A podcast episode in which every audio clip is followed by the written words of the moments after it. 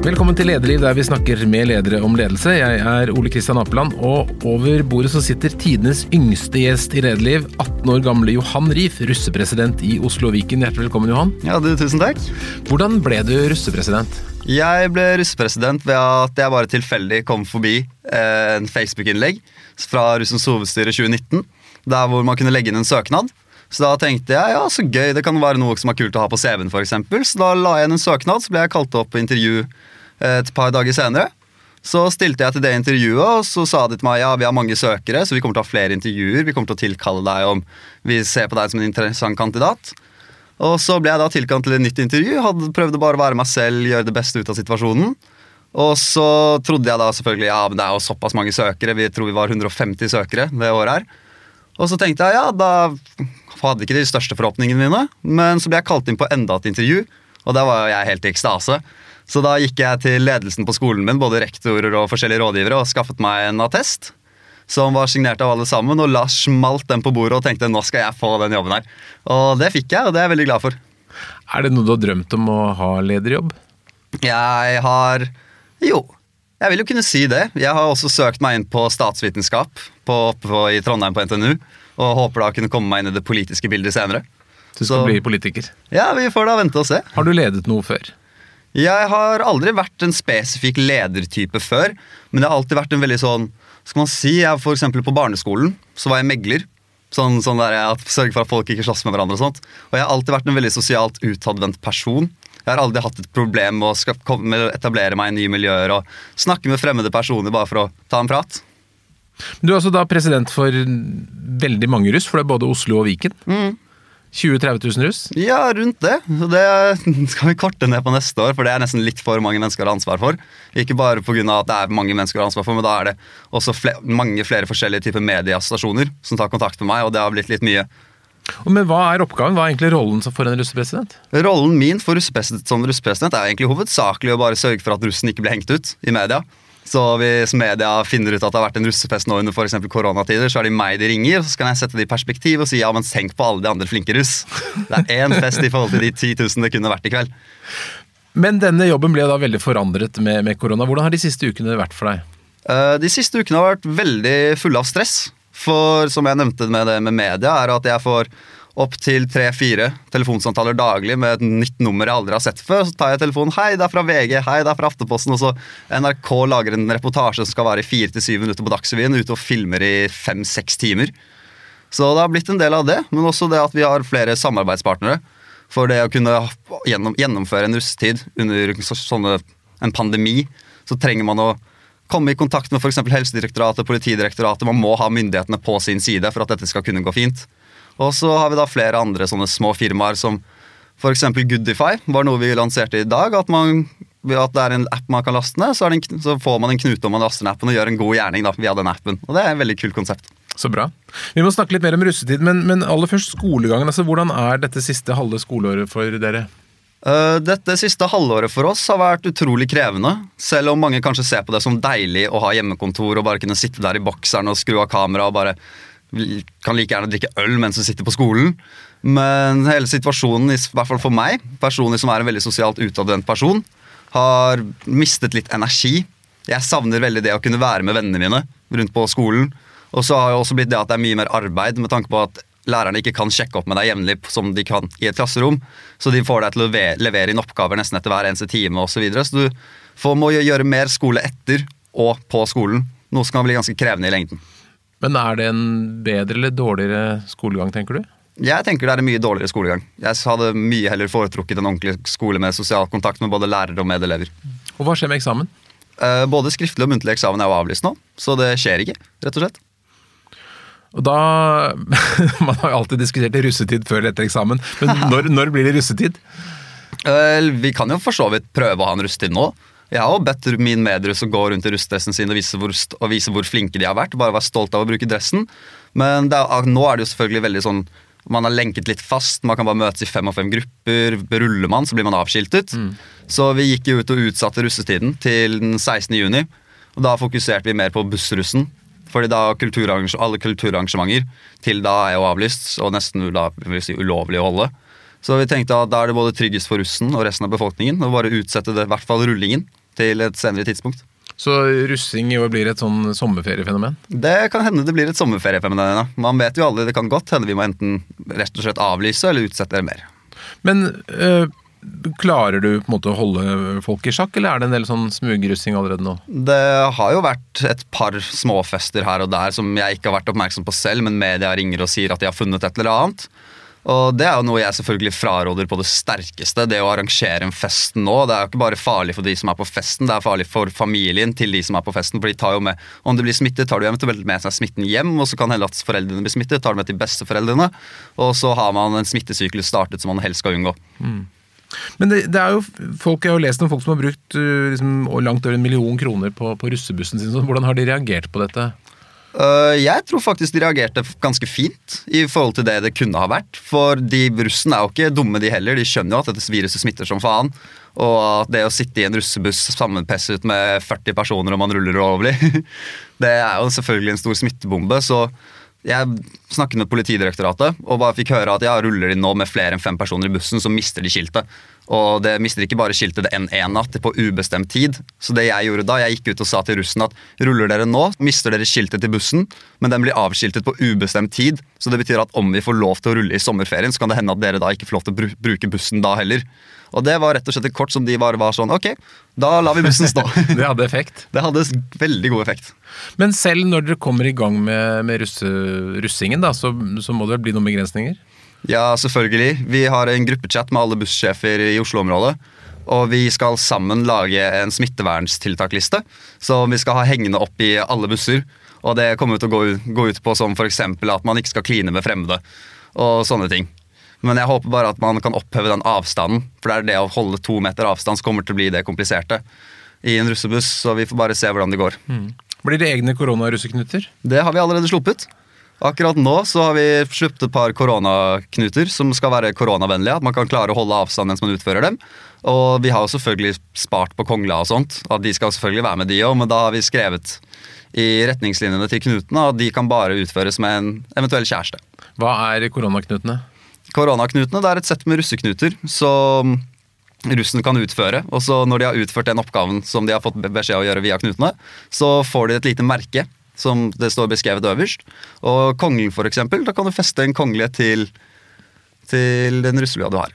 Men hvilke, hvilke spesielle knuter er det under korona? Er det nye ting? Ja, Jeg husker ikke spesifikt hva de fleste knutene heter, men det er f.eks. det å gå på butikken for en som trenger det, en som sitter i karantene, og så har vi dele ut gratis antibac på gata, selvfølgelig med utført smittevernsutstyr som pustemaske og antibac på hendene, eller helst hansker. Og så for eksempel hva mer er det vi har, da? Vi har et par til. Jeg må bare prøve å komme på dem. Det er ikke så lett å huske alt. Nei, Men dere har blitt noen racere på, på, Teams og sånne ting. Er det, er det, også festing i de kanalene? Eh, ikke via Teams, for det har folk brukt, mer som skolemateriale. Man tenker man kan ikke ha fest på skolen, ikke sant. Men Zoom brukes fortløpende når det kommer til festing på kvelden osv. Og så appen House Party er også veldig morsom, for der kan jo alle, uansett hvem det er, hoppe inn ubedt. og Plutselig så kommer det en ny kompis du ikke har snakket med på lenge, bare hopper inn fordi han kjenner en annen person som er i gruppen, og det er utrolig koselig.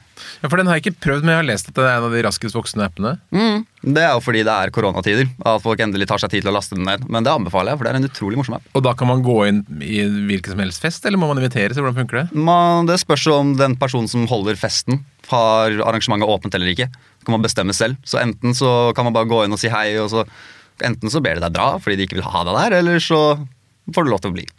Hva har du inntrykk av at folk eh, savner mest? Jeg har faktisk inntrykk av at det folk savner mest, er skolen.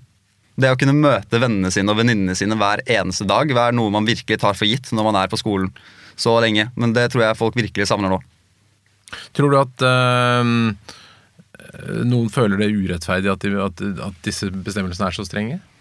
Tja, det vil jo alltids være et, på, et par få sorte korn. Men det er det ikke så mye å få gjort med, om man føler at de er urettferdig behandlet. Så bare tenk på resten av samfunnet. da, Alle har det sånn. Det her er en nasjonal dugnad som vi alle må gå gjennom, og det er det ikke stort mye vi får gjort med.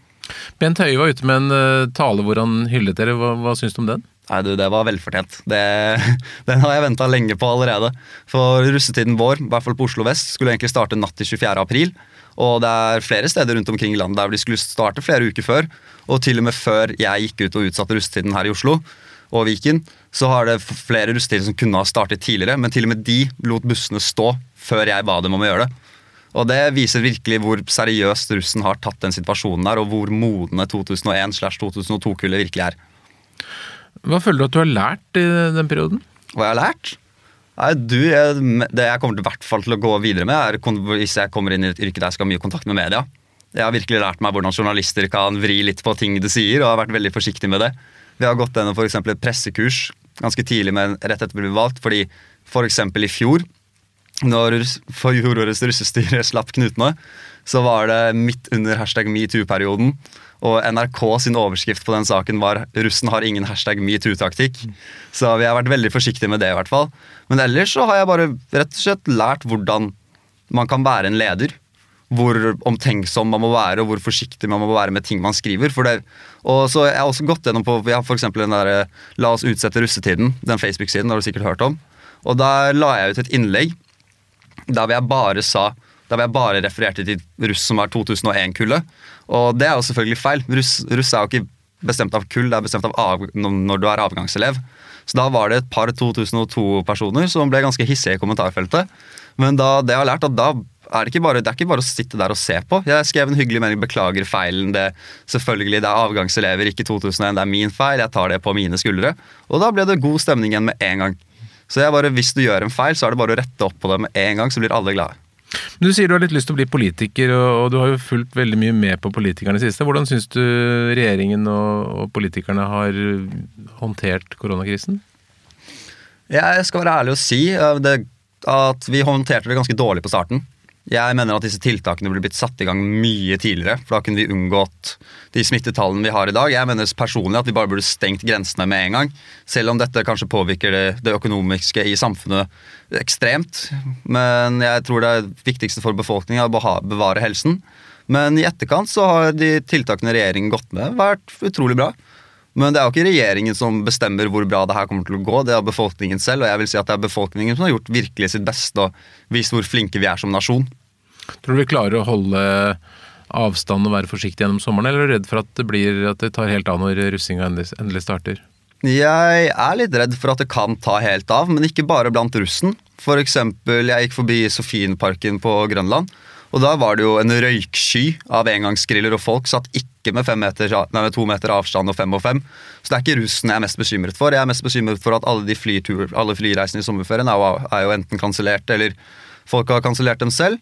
Og det vil jo si at nesten hele Norges befolkning blir jo i Norge, så jeg lurer bare på hvordan frie, liksom frie arealene kommer til å bli brukt. Men eh, konsekvensene sånn eh, utover festing og rusting og sånn i forhold til videregående utda, eller altså studier, mm. Eh, høyere utdanning, hva blir konsekvensen av at en, et helt kull ikke får tatt eksamen? Har det noe med, i forhold til opptak og, og sånn, har det noen konsekvens? Konsekvensen av det betyr egentlig bare at standpunktkarakterene til oss som går ut av videregående nå, kommer til å bli mye viktigere. Men også det at man slipper å man slipper f.eks. det at man slipper eksamen. For skriftlig eksamen har jo gjennomsnittlig på alle, alle fagene eh, nesten en hel dårligere karakter enn standpunktet.